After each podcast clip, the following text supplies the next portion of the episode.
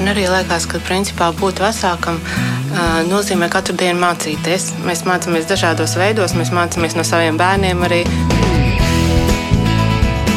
Mēs tiekamies ģimenes studijā.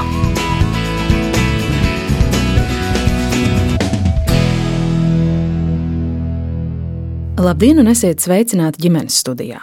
Šodien, kā piekdienās ierasts, es Agnese Linka aicinu uz kādu iepazīšanos. Ar attālinātu ierakstu starpniecību mēs viesosimies Aivas Aumales un Jāņa Belīnska ģimenē. Kad Aivas un Jāņa pirmais dēliņš Jēkabs pasaulē nāca jau 25. grūtniecības nedēļā, tas, protams, bija liels pārsteigums un arī milzu pārbaudījums. Taču kurš gan toreiz varēja iedomāties, ka pēc pāris gadiem sagaidāms vēl viens šāds pat pārdzīvojums? Un patiesi jaunākais Gustavs piedzima vēl agrāk, jau 24. grūtniecības nedēļā. Un, ja vecākā brāļa svars pasaulē nākotnē bija 910, tad jaunākā vien 732 grami un otro reizi priekšlaikus dzimušā mazuļa paaugšanās mēneši slimnīcā bija jāizvada jau Covid ērā, kad jebkādi fiziski kontakti ar ārpasauli bija pilnībā neiespējami. Aiva tagad atceras, sākoties sarežģījumiem, nonākusi slimnīcā, no turienes iznāca tikai pēc pieciem mēnešiem. Lielāko daļu no šī laika, piemēram, vecāko dēlu, tobrīd četrgadnieku, nemaz nesatiekot. Tam cauri bija iespējams tikt tikai nemitīgi trenējot savu prātu, lai no tā padzītu visas sliktās domas un draudīgās prognozes, tagad atzīst abi vecāki. Jānis saka, mums ir unikāla mamma, uz rokām vien nesājama. Domāt tikai labo, tikai noturēties. Tā viņi divreiz izdzīvojuši šos trauslākos, bīstamākos brīžus savu bērnu dzīves sākumā, un šobrīd joprojām uzsver, galvenais ir ticēt pat neticamajam, jo brīnums patiešām ir iespējams. Šobrīd viņiem ir divi mundri, jautri zēni, Jēkabam jau pieci, Gustavam pusotra gada. Šis ir uzklausīšanas vērts un iedvesmas stāsts. Paldies Dievam un doktoriem ar labām beigām!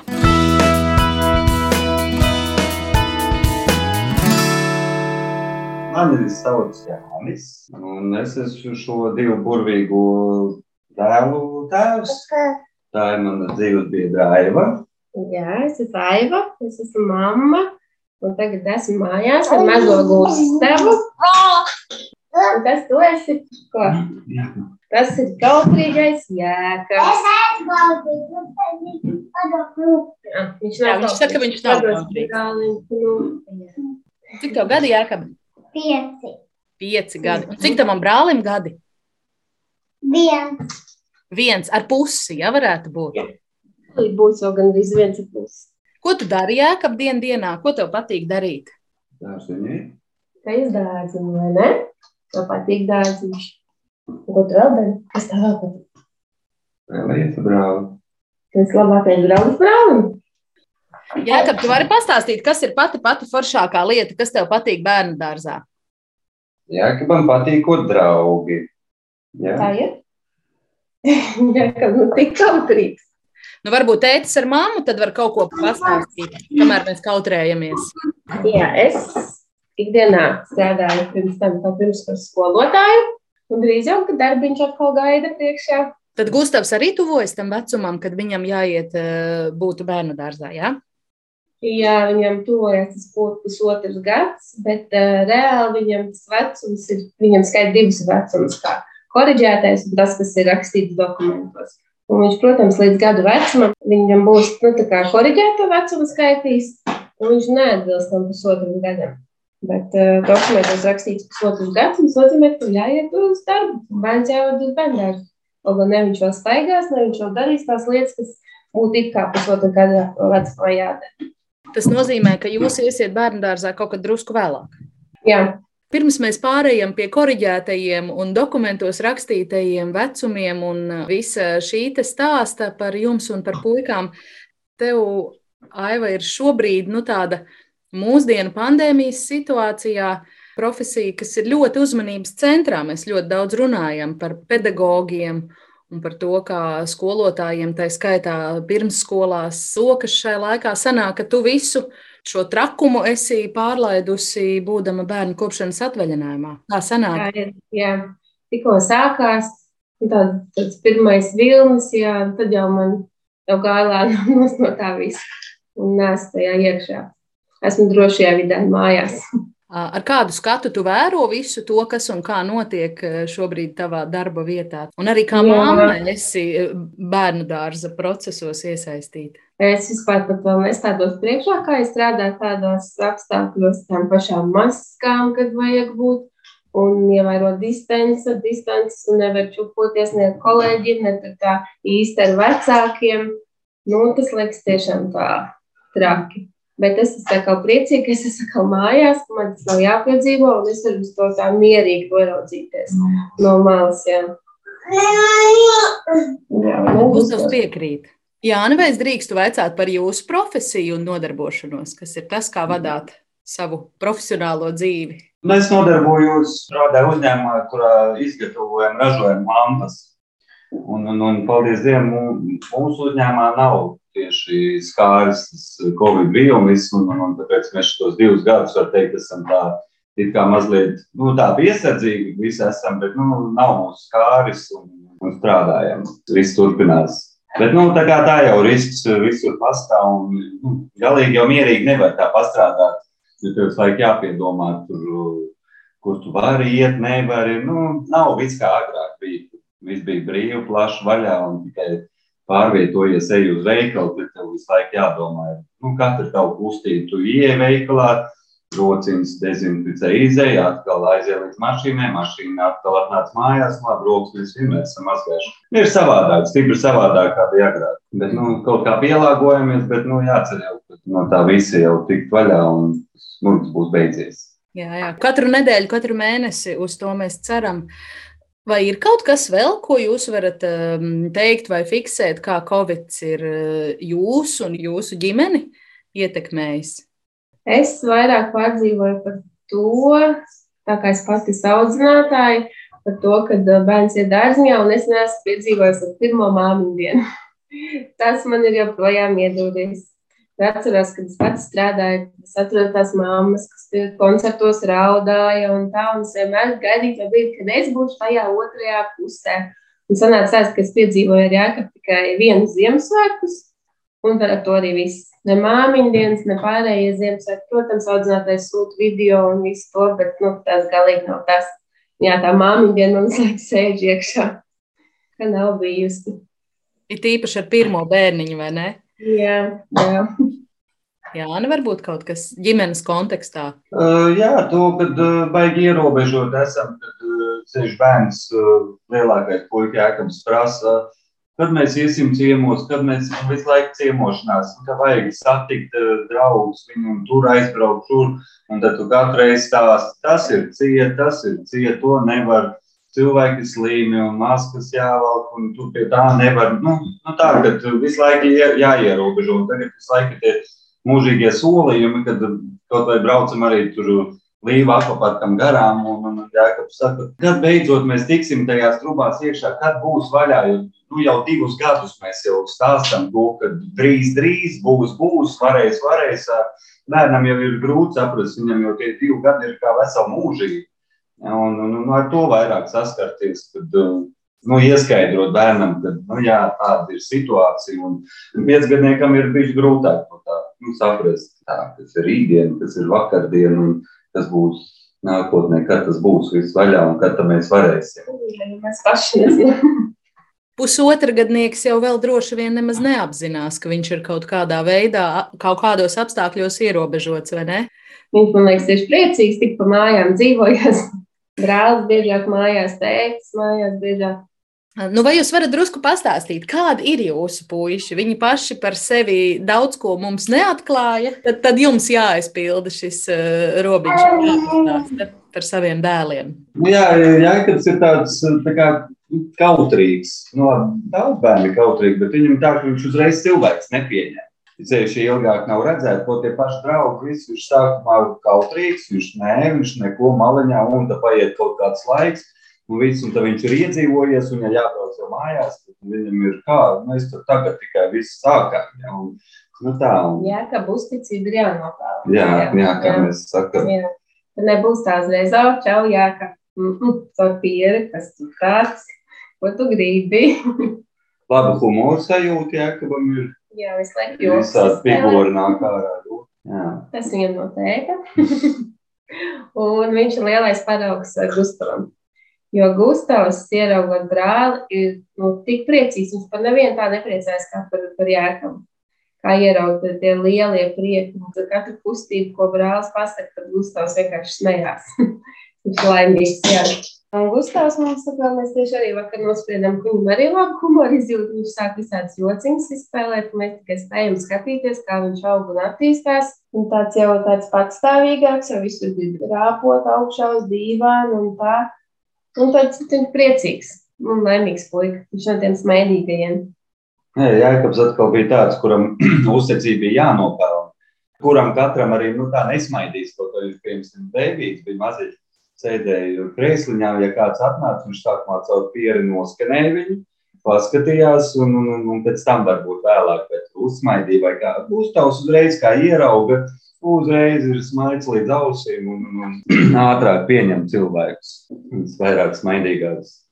Kā tev ir, Aiva, tu esi tik eh, daudz eh, gadus, tik daudz bērniņus redzējusi, vērojusi, audzinājusi, kā ir eh, tagad ar tādu profesionālu aci skatīt eh, savējos. Vai arī tajā brīdī tās eh, zināšanas un tā darbā gūtā pieredze ir kaut kur malā, otrajā plānā, un tu esi tikai mamma ar viņiem? Jā, šis ir tāds labs jautājums. Tagad ir daudz vairāk saprotās mammas, par ko viņas uztraucās, par tādiem sīkumiem, kā liekas, aktīvs, no ko viņi tur uztraucās par to, par to, un tagad ir pilnīgi savādāk pilnīgi uztver savādāk. Un arī, kad es kaut ko ar viņiem kaut ko darbojos, tad, tad man arī jāpieslēdz, vai būtu jādara šitā, vai būtu jādara tā, kā būtu labāk, tad es kaut ko daudz domāju. Citreiz atkal atlaižu grožus, un tad, tad diezgan tā žonglēju starp mammu, tad tā kā vajadzētu tā kā audzinātāju. tā kaut kā mums tur iet. Nu, jā, tā zināšana bagāža ir, un tad viņu var vai nu pielietot, vai nu arī atstāt, kā tu saki, grožus atlaižot druscīt maliņā. Jā, tā ir. Jā, es abrīnoju vispār viņas uh, spēkus un, un, un to izturību. Un vienkārši abrīnoju, kā vispār to visu, kam ir iziets cauri, nesot sajukušam prātā, normāli eksistē. Nu, pēc visa tā, kas ir iet cauri, tur ir daudz sirmi, mati un tā. Jā, bet, jā vienkārši uz rokām nesājam māmu. Labi, šādi panāsāt. Cik ļoti jauki tas skan. Vai es drīkstu arī uh, pavaicāt, kā jūs uh, iepazināties, kā jūs satikāties, kāds ir jūsu vienam otra atrašanās stāsts? Vai mums ļoti interesants stāsts. Mēs jau esam kopā, cik ir 14 gadi. Jā, mēs iepazināmies, mēs dzīvojām Angurā, un Jānis tur mācījās par jūrnieku jūras skolā. Un Vienu dienu manā mamma atnāk mājās, un viņa ir atradusi uz ceļa tādu kā kādreiz tās fotobildītes, ko varēja līmēt visur placiņos. Tāda ir atradusi, un tur ir uzbūvēta Jāņa bilde. Un viņa nezina, kāpēc ir pacēlus to un atnesus man. Es tā pacēlu, es jau zināju, viņas bija redzējusi ikdienā, ka tāds puisis tur staigā. Un es to bildi arī paņēmu un ieliku pat albumā. Bet kāpēc? Nezinu, vienkārši nu paņēmu. Un tad, kad mēs iepazināmies, tad Jānis teica, Zini, man tos foto jau ir albumā. Man māma pati nākas un iedeva. Laikam tāds likteņa pirks. Jā, bija kaut kāds pavasars, kaut brīvdiena, un mēs nezinu, pēc kaut ko jās, tur bijām palikuši, vai eksāmeni bija, vai kaut kāds. Jā, pavasars vienkārši satikāmies. Un, un, un tā, tā, tā tas viss notika.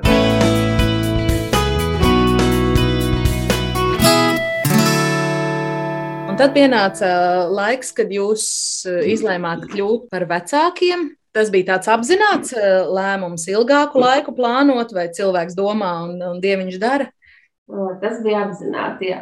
Man liekas, ka es jau esmu gatava, ka tik ļoti gribās un vajag. Un te nu mēs nonākam līdz tam lielajam, nopietnajam stāstam. Vispirms jau par eh, jēkabu ierašanos šai pasaulē. Tas notika krietnu, krietnu laiku agrāk nekā gaidīts. Jā, tas notika jau 25. grūtniecības nedēļā. Un tad es vispār nenojautu, ka ir iespējams tādas uh, priekšlaicīgas dzemdības. So tagad atceros, ka man veida uz slimnīcu. Nu, viens neko īpaši nepaskaidro, kas, kāpēc. Un es tikai uz ekrāna ieraudzīju, ka tur rakstīts priekšlaicīgas dzemdības. Es domāju, ko tas vispār nozīmē un kā tas ir iespējams. Un tad uz piektā nedēļa nav daudz, bet nav arī maz. Jā, un tas bija tāds pavisam šoka brīdis. Kad uh, vienkārši dakteris pasaka, ka būs jādzemdē, tu liekas, kā, nu, kā tas vispār ir iespējams. Bet, nu, redz, tas ir iespējams, un tādu bērniņu pat ir daudz. Iepriekš nekas par to neliecināja. Nē, man bija viss analīzes, viss bija kārtībā. Tā man bija pateicis, ka tā ir mana infekcija, kas vienkārši tā pēkšņi uzrādās. Un jau izdarījis savu slikto darbiņu, un jau ierosina zemdības. Tur vairs neko mēģināja vilkt to laiku, bet uh, nesanāca. Sanāk, jā, es nokļuvu slimnīcā, tur man deva visādas antibiotikas, ar cerību, ka tā infekcija pazudīs, bet viņa nemazinājās. Un vienkārši jā, naktī jau jūtu tādas sāpes, un apskatījām, teica, ka viss jau jāiet uz dzemdību zāli, un uh, tad jā, jādzemdē. Un tad zvanīja Jāņa un teica, viņam vēl arī nebija ne rengens uztaisīt, nekas, lai viņš varētu būt klāt, jo nu, nebija vēl viens gatavs. Bet viņš naktī visu gaidas ir uzcēla augšā, lai dabūtu rengenātu nakts laikā uztaisīt un varētu tikt man klāt. Jā, jā, tur bija baigi traki. Es jau tajā dienā, vakarā, biju Jāivas ciemos slimnīcā. Jā, tad uh, atvadījāmies, viss tā kā normāli un tā, un tad Es atbraucu mājās, un jā, tā bija brīvdiena, liekas, kad sestdiena kaut tāds. Nu, kā apsēdos pie manis vēl ciemos, bija brālis, atbraucis un tā. Un bija domāts, ka uh, viņš paliks pa nakti pie manis, un tā, domāju, vakarā pasēdēsim tur. Tāds paspēlēsim vēl kaut ko. Un es uh, to alu jau biju atvērs. Un, tad pēkšņi zvana Aiva, kad uh, sākšās dzemdības. Es saku, kā, kā var dzemdības sākties tagad? Tad tieši paveicās, uh, ka tajā vakarā pat brālis neko nedzēra. Es saku, varbūt tālu dzērs, viņš saka, nē, nē, es labāk kaut ko otru tēju iedzēšu. Kā? Un tā salikās tas viss, mēs reiz lecām mašīnā, aizbraucām uz uh, slimnīcu, lai iekšā viņi saka, tu nevari nākt, tāpēc, ka tev nav rengens. Un tur pat vēl tā bišķiņa tā kā uzbrauca, kā, kā tu nāc uz dzemdībām bez rengena. Es saku, vispār mēs neplānojam, ka 25. nedēļā sāksies dzemdības, ja, un nevienam nenovēl to ieplānot, kas tie pa jautājumiem.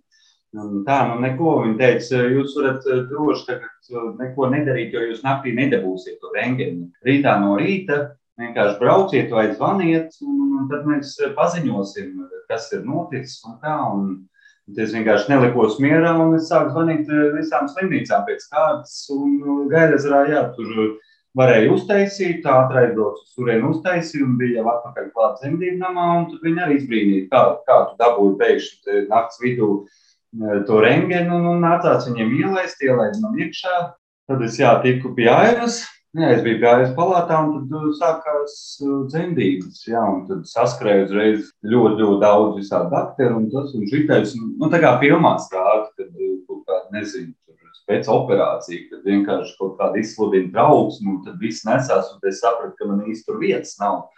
Jā, tur tādi traki bija. Un, un, un tad es gāju ārā no turienes, un, un tur vēlāk sākās tāds dīvains moments, kad, kā filmās rāda, piemēram, kad kaut kas ir noticis. Un tad iznāk ārsts ārā un viņa tā pamāja otrai nu, kolēģei galvu, ka nu, nu nav tā parāda. Nu, tā kā nav. Nu, man tā likās, jā, nu, kad viņi tur tā parādīja, un ka nav. Un tad es arī skatījos, kad pēc tam dzemdībām uzreiz no ASV palātas izveda inkubatoru. Un tā kā pagaidi aizveda, un pēkšņi viņi tur atstāja. Es sēžu tajā dīvānā pie ASV palātas, un es nesaprotu, kas notiek. Un tur vēl tāda aktiera parādīja to galvu, tā pakratīja, ka nav. Es, es vienkārši sapratu to, ka nu, nu, neizdevās. Ja tur paralēli ar ēras māmu jau sarakstījos. Es mammai sirdi mati, un, un, un tad es saprotu, ka, nu jā, labi, man ir grūti, bet Aivai noteikti ir vēl grūtāk. Nu, tad es eh, tiku pēc kāda laika iekšā palātā, Un es saprotu, ka es Aivai nevaru uzreiz stāstīt, jo viņa jau nezina. Viņai to bērniņu kā piedzima uzreiz paņēma un aizveda. Man tā likās, jā, jo es jau biju aiz durvīm. Es jau to neredzēju, bet no es, kā saka, to, ko es redzēju, un pēc tam pats izdomāju, ka tā ir noticis kaut kas un, un viss. Un tad iegāja gājus un sāk viņu mierināt. Nu, stāstīt, kā, nu, visu to, ka tā gadās un tā un šitā. Un, un es vēl uzprasīju doktorim, kādam es tur prasīju, jā, lai izstāstītu, kas ir noticis. Lai, nu, lai nav tā, ka kaut kas ir noticis, ja bērns piedzimis vai nomiris, bet uh, visi klusē. Jo neviens neko nepasaka. Aiva atstāja vienu pašu palātā, kā, un, un, un viss ar to arī beidzās. Informācijas nav. Tad Aiva pārveda jā, uz citu palātu, kur vairākas māmiņas uh, vienlaicīgi guļ ar tikko dzimušiem bērniņiem. Un uh, viss, un saka, jums jādodas mājās. Un, tā kā viss ir, nu, jā, dodieties mājās, kaut kā tāda. Un es saku, kas ir ar, ar bērnu, vismaz izstāstiet kaut kādu informāciju. Nav nevienam informācija. Man aizsūta uz viens tālu, tur varat uzzināt. Es aizēju uz turieni, tur nav informācijas. Viņi neko nezina. Un saka, nu, mums nav informācijas. Aiziet tur, es aizēju atkal uz turieni. Tur arī nav informācijas. Un neviens neko nesaka. Kāds man pateica, ka uh, varētu uzzināt lejā, tur, kā, man liekas, tā kā pagrabstāvā vai nu, tur ļoti tumšs bija, kur ir inkubatori. Nu, tad, attiecīgi, es tajā naktī nelikos mierā. Es teicu, ka es braucu uz mājām, bet nu, es sāku sirot uh, tālāk pa slimnīcu, noskaidrot, lai vismaz izstāst. Nu, tas nav baigi cilvēcīgi, kad ir, ir noticis kaut kas, bet uh, visi klusē un neviens neko nesaka. Ne tēvam, ne mātei, neko. Nu, bērniņš ir aizvests un, un viss. Nu, un es sāku tur sirot, un es tiku līdz uh, tai nodaļai, kur tie inkubatori ir. Un tur es zvanu pie zvaniņa. Protams, tur viss ir cieta. Zvanu pie zvaniņa, tur nenākamies. Nu, tad man apniks vienkārši sāk zvanīties rītīgi, lai kāds iznāk. Tur iznāca uh, takterā. Un es izstāstīju situāciju, kad ir tā kā piedzima un tā, un, un vairāk mēs neko nezinām. Un viņi teica, labi, ka es varu iet viņai līdzi, un mēs pieejam pie inkubātora, un viņi man stāsta, jā, un tad mēs stāvam, viņi rāda, nu jā, reku jūs bērniņš, man jau galvā, ka bērniņš jau ir nomiris. Nu, pēc tā visu, ko es tur redzēju, un man jau nebija informācijas citas. Un mēs stāvam, stāvam pie tā inkubātora un tur stāst, nu jā, ka tas gadās jau tā, ka tā piedzima tik ātri un tu neko neizdarīsi un tā. Un pēkšņi uz tā acu kaptiņu pamanu to, ka tas bērns iekustās. Es viņai saku, jūs redzējāt, nu inkubātorā viņš kustās. Es saku, nu jā, viņš kustās, viņš jau tur kustās, nu bērni visi kustās, viņš ir dzīvs. Un viņš skatās, vai jūs neredzat? Un tad man tas viss tā, nu, tā salikās, tā, nu, pat tagad ir pīns, iet cauri visam tam, nu, kad uh, iedomājies, es biju pats savā galvā, ka tā un tā ir sanācis, un beigās es stāvu naktī pie inkubātoru un ieraugu savu mazo lauks lielumu bērnu. Nu. Jā, tas tā, tā ļoti smagi bija tā, tā nakts visa. Reku plaukstas lieluma bērniņš priecīgs mums atkal pievienojās un skraidelē tepat vien. Cik gramu bija tam plaukstas lieluma bērniņam tajā brīdī piedzimstot aiva? Māmas noteikti atcerās šitos ciparus līdz mūža galam. Jā, 910 gramu un 36 centimetri. 910 grami. Jā. Mhm. Vēlāk nokritās vēl uz mazāku. Jā, uz kaut kādiem 700. Un tad sākās jūsu ceļš uz paaugšanos vai veseļošanās process. Kā tu to laiku vispār atceries pēc jēkaba piedzimšanas? Tad jau, protams, nebija tāds covid un viss. Tad es varēju uz slimnīcu braukt, kad viņi pārveda uz bērnu slimnīcu, varēju braukt no rīta un vakarā braukt mājās. Pa dienas viņu tur varēja ķengurēt, paturēt, mainīt pamperus un tā. Un tad mēs tā braukājām. Laikam pēc diviem mēnešiem viņu jau palaidu tālāk uz palātu, kur dzīvot kopā ar mammu. Un tad es jau kādu mēnesi ar viņu dzīvoju kopā palātā. Un tad arī Jānis katru vakaru brauc pēc darba pie mums, mēs tur dzīvojāmies. Un tā arī dzīvojāmies un bija tad labi. Salīdzinot ar tagad, kā bija ar Gustavu, ka viss bija otrādā. Pirmo reizi šim procesam cauri ejot, kādas bija tās um, emocijas, kādas ir tās atmiņas? Neziņa. Par to, ka tajā laikā, kad Jēkabs piedzima, nebija nu, ļoti maz informācijas vispār. Pat sāksim ar to, ka tāda izmēra pamperi Latvijā nebija nopērkama. Ne, nu, aptiekās nekur mums radi no ārzemēm sūtīja tos mazos. Tas pamperīts bija mašīnas atslēgas lielumā. Nu, sērkociņa paciņas lielumā, plus mīnus. Tā. Nu, tā, kad jā, bija liela neziņa, nu, kas būs un vai vispār, kā, kā tas vispār notiek. Nu, tā kā no, no tik maza kaķēna var izaugt, kā saka, vesels bērns. Mm. Bet, jā, es mēģināju slēgt, nelaist tās sliktās domas klāt. Man arī teica, kā nāk virsū kaut kas vienkārši čik prom tās domas. Nu, un tā visu laiku bija jāspēlēs savam smadzenē, vienkārši nelaid klāt nekādas sliktās domas. Protams, bija tās briesmīgās dienas, kad tu varēji visu dienu vienkārši raudāt. Bet sevišķi, ja tu redzi, ka blakus ir bērni, kuriem ir vēl trakāk un grūtāk, un daudz ko arī dzirdi nu, tad ir, jā, tad ir traki. Bet, nu, jā, visu laiku jāmēģina domāt tikai tas labais, un kā sliktās domas, tā jāmet prom. Un arī jēga bija arī tā, ka ārsti bija tādi dažreiz, kuri, nu, lika atvērt acis un baigi nesacerēties, ne uz ko viņi teica, jūs ne uz ko necerat. Jo var arī tas, tas viss beigties, un, un, un var kaut kas neiznākt, to, kad jūs dzīvojat no dienas uz dienu. Tur nav tā, ka oh, tagad nākošo nedēļu viņam tas izaugs, tas, tas nebija tāds nu, tā pozitīvās visas tās lietas. Jā, jā, nekādas prognozes nebija. Tur bija tā, ka tu šodien atbrauc un tu nezini, vai ir bērniņš vai nav vairs bērniņa.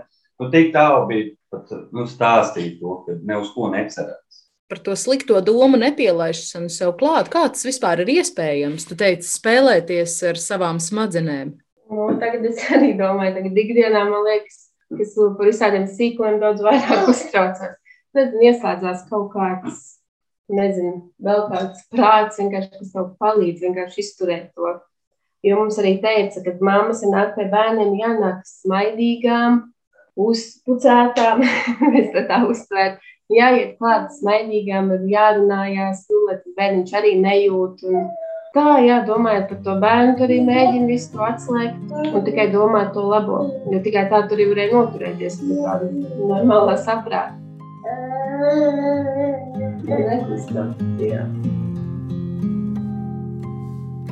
Šodien ģimenes studijā tiekamies ar Aivas Aumalas un Jāņa Belīnska ģimeni. Šobrīd viņi ir divu brašu dēlu, piecgadnieka Jēkabu un pusotragadīgā Gustava vecāki, taču abi puikas savulaik pasaulē nāca krietni priekšlaikus, vien 25. un 24. grūtniecības nedēļā. Sarunu atsākam par laiku, kad Aiva un Jēkabs sabijuši slimnīcā trīs mēnešus, beidzot devās mājās. O, jā, to dienu mēs tā gaidījām. Jo citiem jau ir, kad tu vispār piedzīvo pirmais bērns, tu vispār neko nesaproti, nezini, kā būs. Un tad ir šis vēl gadījums, kad viņam var būt kāds problēmas vai kāds, protams, uztraukums bija milzīgs, bet tik ļoti gribējās mājās un tik ļoti, kad uh, viss pārējais varēja pagaidīt un tā diena bija vienkārši tāda. Man vēl ir video saglabāt kaut kā, ka mēs ejam prom no turienes un kādi izskatāmies un tā. Un, Un, jā, tā bija liekas, nu, jā, viena no laimīgākajām dienām, kad piecēlās no turienes un kopā ar to mazo brauc prom. Un kā tad ritēja tā dzīve pēc tam mājās, atgriežoties arī ir tomēr kaut kādi specifiski pienākumi vai ikdienā, kas bija jāvēro? Jā, ir piedāvāta tāda programma, kuru ik pēc trīs mēnešiem bērni novēro. Mēs dodamies pie neonatologa, un tad viņš visam iet cauri gan gan kā viņš aug, ko viņš dara, viņa tur skalas visādas taisas un skatās, viņš attīstās tā, kā jāattīstās. Ja vajag, tad ātri vien dabū arī ārstus, kurus vajag apmeklēt, neirologus vai fizioterapiju. Un viss, tas, tas ir tāds pluss jā, tai programmai, ka ir.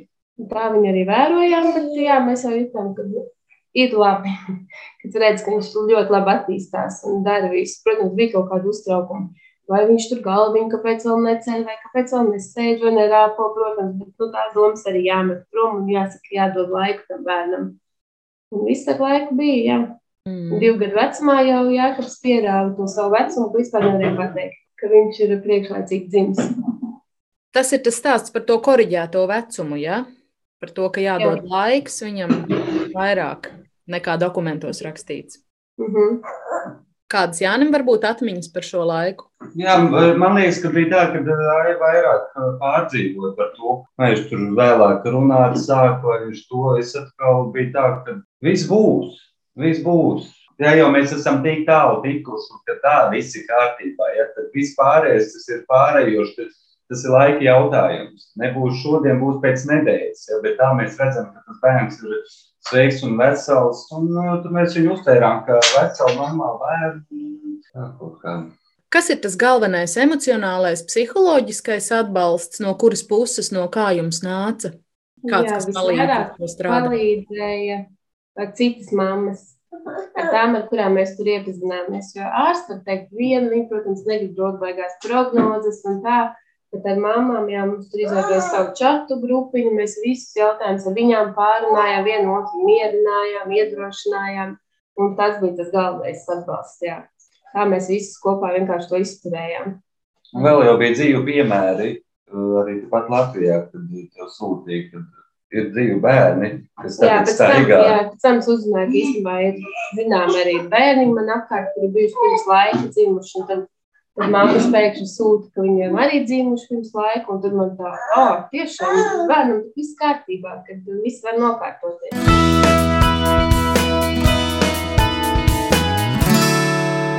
Un tad pēc laika jums pieteicās uh, Gustavs, un arī Gustavs stāsts ir. Es nezinu, cik lielā mērā līdzīgs tāds pats vai atšķirīgs, uh, vai jūs varat to izstāstīt, kā pasaulē nāca Gustavs.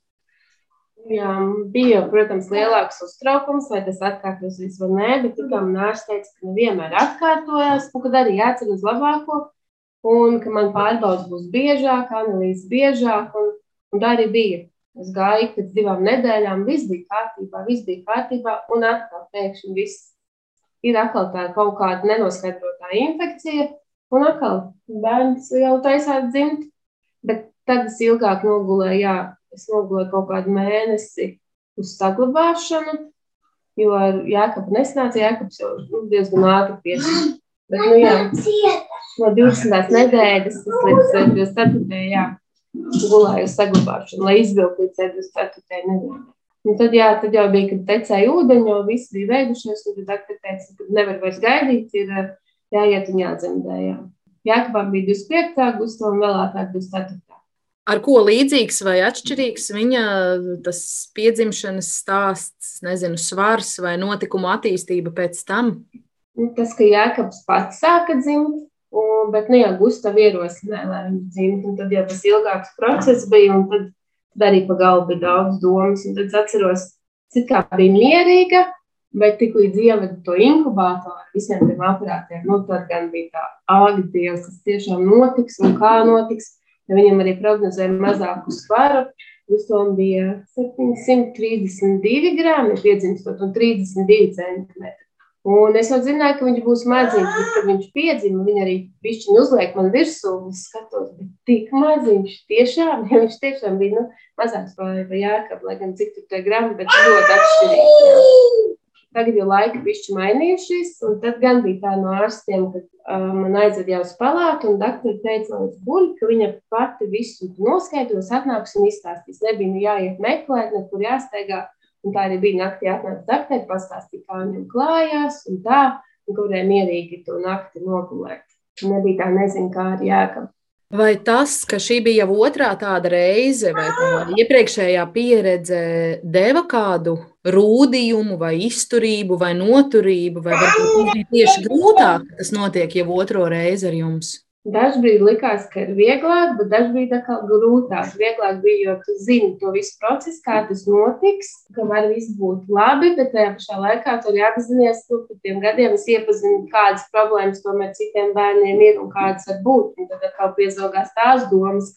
Šajā gadījumā viņš piedzima vēl ātrāk, un varbūt tomēr arī sliktāk. Jā, bet uh, tur bija tieši tas moments, kad lika saprast, ka tur nekas nebūs, jo dzemdības tūlīt sāksies.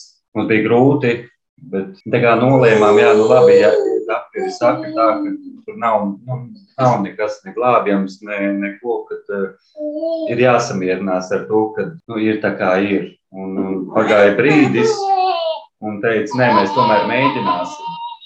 Tās doktori pateica, ka vai koncīlijas bija vai kas, bet izlēma, ka tomēr dos iespēju un mēģinās, un tad tie bija tādi momenti, nu jā, bija smagi, smagi. Un smagi bija vēl tas, ka tieši tad bija tas Covid laiks, kad ne viņš varēja nākt uz saglabāšanas gulēm, ne viņš varēja nākt pie manis, ne pēc tam slimnīcā. Un Gustav viņš arī satika tieši vienu dienu pirms bērnu slimnīcā, pateica, ka vispār nekāda apmeklētāja nebūs. Un neielaidīsim, viņš atnāca tieši pēdējā brīdī, skatām desmit minūtēm, viņš ieraudzīja pirmo reizi Gustavu, un pēc tam jau mūs Mēs saņēmām jau gatavus februārī, kad jau izdevās. Jā, dēls piedzima, tā kā jau trīs mēnešus dēls bija, bet es viņu biju vienreiz redzējis inkubatorā.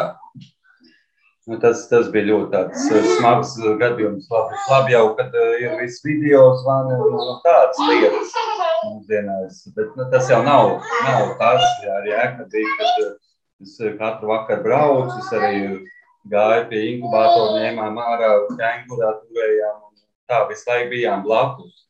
Un, man kā tēvam arī to ļāva visu darīt. Un bija svarīgi ar to bērnu just. Tagad bija sajūta, tev ir bērns, bet uh, nu, tālu prom, kā saka, un tu pat nevari rokā paturēt vai pie sevis pieglauzt. Tas bija jā, ar to Covid viss bija, bija traki. traki bija. To, kad nevarēja apciemot, aizbraukt līdz slimnīcai, varēja tikai kāds mākslas nodot. Un, un, un, un, un, un ar to arī viss beidzās. Pa logu varējām pastīties. Kā padomu laikos, jā, es rādīju uz to pa logu viņiem. Pievilku aparāts visām tām šūsadēm, parādīju pa logu. Sanāk, ka jums bija divi tā ar Jēkabu Jāni jāiztiek, jā? Ja? Jā, jā, es uh, arī jēkabu visu laiku dzīvojām pa māju, kā pa māju darbs, mājas dārziņš. Mūsu ikdiena turpinājās. Jā, Nu, nā. sasavinājāmies uh, vairāk. uh, Mēs nebijām attālinājušies bet viņš tā kā vairāk, uh, vairāk pieķērās man. Un tad jau bija tā, ka tā Aivar Gustavs atbrauc no slimnīcas, tad viņam vajadzēja visu laiku visu tēti. Viņš bija tā pieredze, ka tikai ar tēti.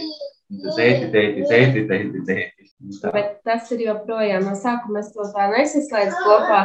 Bet viņš ir tā plājas radīt tās slimnīcas. jo Kopumā es tur biju 5 mēnešus. Es septembrī iegāju un 2. februārī iznācu ārā. Un tad jā, bija jāatbalsta izstādi, izstādi tekstu. Un visvairāk man patika, ka viņš teica un zvanīja. Tēti, aizbraucam uz slimnīcu un es uh, slimnīcai uzkakāšu uz jumta.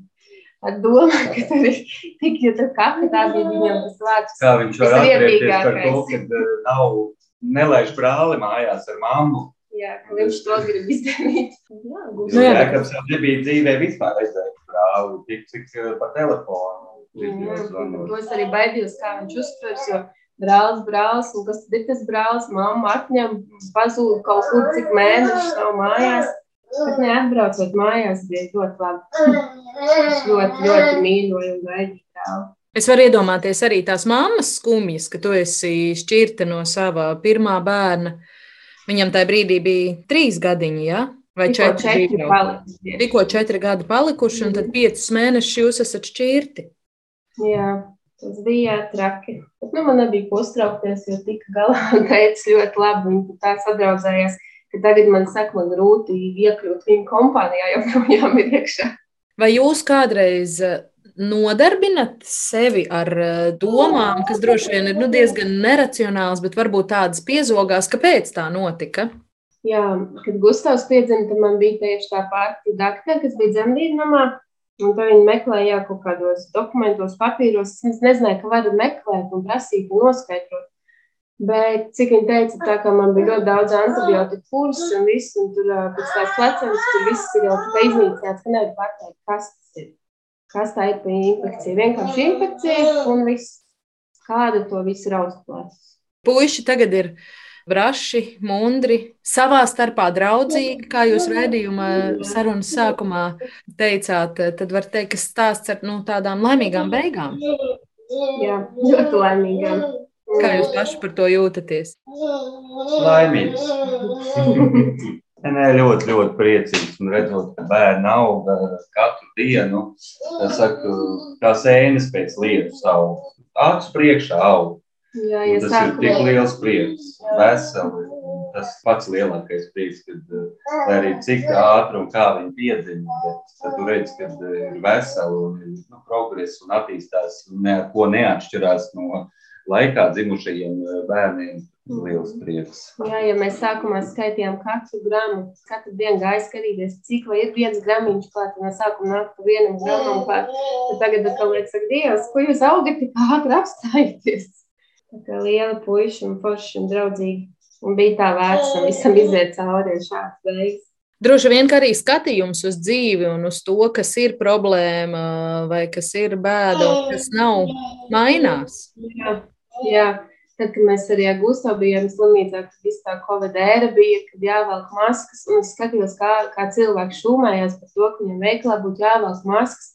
Es domāju, ak, Dievs, es te dzīvoju tajā slimnīcā, man visur bija maskas, visiem ārstiem, viņi caurām dienām brilles, maskas, visu laiku to velk, un tad man, nāca smieklīgi, par to, ka veiklā ir jāuzvelk maskas, redzot, kā viss tur notiek. Un tas pavisam savādāks skats tagad ir uz visu.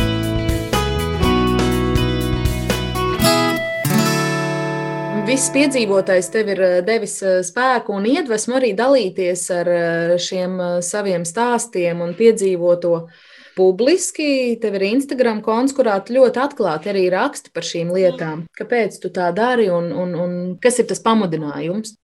Tad, kad Jēkabs pieci, mēs meklējam arī informāciju visādi. Un Latvijā tiešām bija ļoti maz ārzemju un visādos blogeriem, vēl kaut kādiem es atradu jā, kaut kādu informāciju, ka tiešām tādi bērni piedzimst, kā viņiem klājās.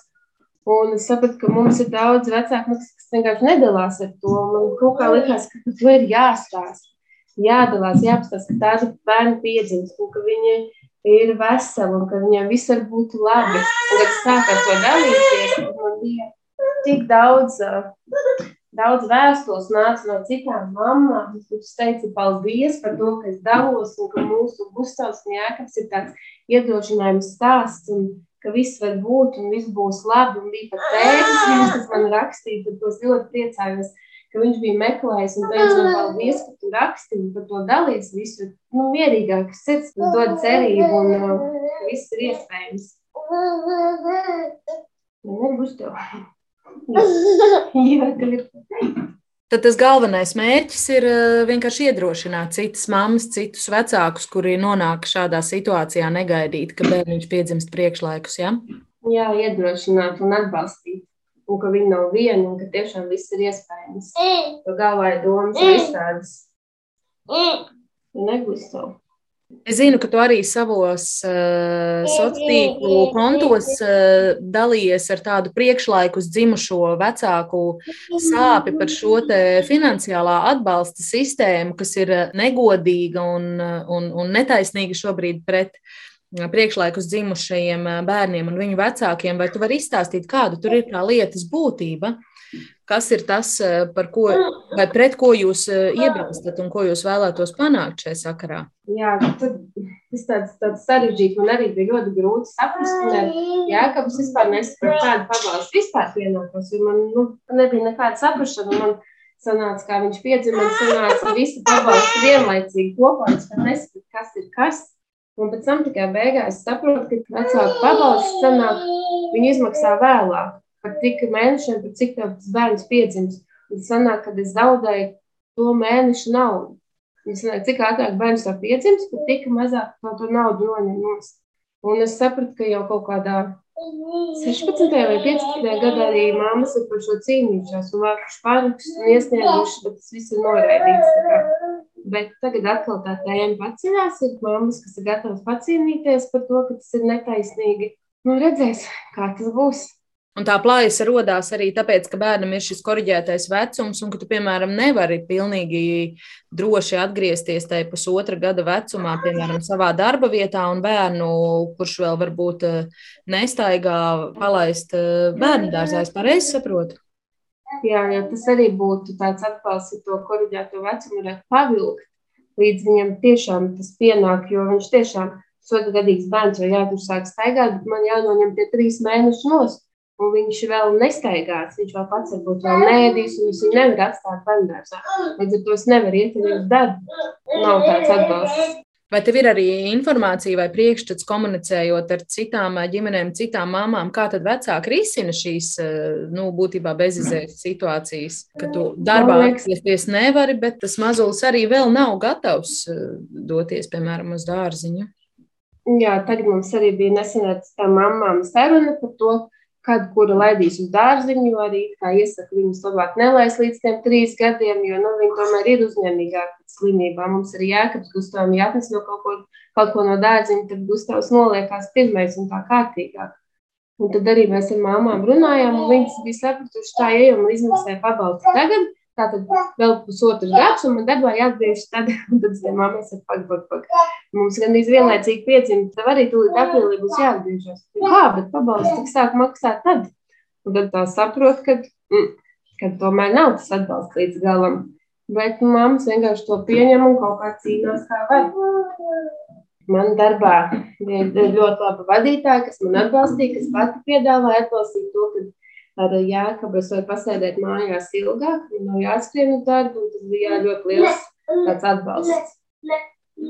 Ja mēs sākām sarunu par tavu profesiju un darba vietu, varbūt mēs varam arī noslēgt ar eh, stāstu par to, kā tu nonāci tieši šajā pirmsskolas izglītības iestādē un ar ko tā ir īpaša. Jā, es es strādāju vidusskolā Krēkits. Es pirms tam biju izmācījusies sabiedriskās attiecības, bet man tā pedagoģija kaut kā visu laiku sēdēja iekšā. Mana mamma pat arī ir pedagoģija. Kā jau mammas saka, nu nevajag, nevajag, tu tur stries, ne tu nopelnīs, neko. Un, bet nu, es tomēr kaut kā sliecos, ka man vajag, un es jā, ziņās ieraudzīju, ka meklē darbiniekus, bija meklēt darbs vai kaut kas tāds, un uh, vienkārši aizgāju uz pārunām. Un jā, man tur pieņēma, es sāku strādāt no sākuma par auklīti, un tad jau kļuvu par audzinātāju. Un, un sapratu, jā, ka tas ir mans rītīgs aicinājums, un es tur gribu palikt, un tā ir mana vieta. Un tie bērni tā pievili, man tik ļoti patīk ar viņiem komunicēt, tad, viņiem tur kaut ko parādīt, piemācīt to viņu attieksmi pret dzīvi. Man patīk redzēt, cik viņi par visu ir sajūsmā, kā viņiem viss patīk, un ka tu vari dot tam bērnam tik daudz, laikam tas, jā, ka tu viņam var dot un nu, pats būt tāds jauns vienmēr ar viņiem kopā. Šobrīd, starp citu, mēs it īpaši galvaspilsētā, it īpaši Rīgā, nemitīgi dzirdam stāstus par to, ka tukšojas eh, pirmsskolas, ka jauni cilvēki negrib strādāt eh, ne skolās, eh, nedz arī bērnu dārzos ka pedagoģa trūkums nav tikai pašvaldības, bet arī privāto pirmsskolu problēma. Es nezinu, mums tā atmosfēra mūsu darbā ir kaut kāda savādāka. Tāda aura kaut kāda ir, kas tur pievilina. Ir kolēģi un arī vecāki un bērni. Viss tas kopā kaut kā tā saslēdzās, ka to vietu negribās pamest. Jā, tu vienkārši jūtos labi. Tagad tu tur esi arī šī bērnu dārza mamma, ne tikai skolotāja. Jā, jā. Es tik ļoti gaidīju to brīdi, kad es varēšu to māmiņiem izbaudīt no otras puses. Bet tā arī nesu gaidījusi. Nu jā, bet ar Gustavu varbūt iznāks, cerams. Jā, jā. Ja ne šogad, tad nākamgad. Jā, ļoti ceru. Jā, Gustavs saka galavārdu, vai ne, Gustav? Kad viss ir iespējams un ir jātic. Jā. Galvenais ticēt. Ticēt arī neticamajam. Ir jātic. Un, un, un tad, jau, tad jau viss būs. Tas jau pat liekas, ir neiespējami, nereāli. Tad vienalga var izdoties. Ne, ne, ne, ne. Vai arī citreiz liekas, ka tie vārdi viss būs labi, viss būs labi, ir aplikuši. Tad tiešām viss ir iespējams. Ir tik jātic, ne? Un jādzen tās trakās domas prom. Šodien ģimenes studijā iepazināmies ar Aivu Aumali un Jāni Belīnski un viņu dēliem Jēkabu un Gustavu. Jāpiebilst, ka vairākus īpašus fotomirkļus no ģimenes arhīva varat apskatīt ģimenes studijas sociālo tīklu kontos, gan Facebook, gan Instagram, bet no es, Agnese Linka, saku sevišķi paldies gan Aivai un Jānim par sava stāsta uzticēšanu, gan jums, kas to klausījāties. Pie redzījuma tapšanas arī šoreiz tālāk nāca gan Ilze Zvaigzne, gan Nora Mitspapa, un vēlot visiem mierīgas brīvdienas un patīkamu kopā būšanu ģimenes studiju no jums atvedās, lai atkal jau drīzumā sadzirdētos.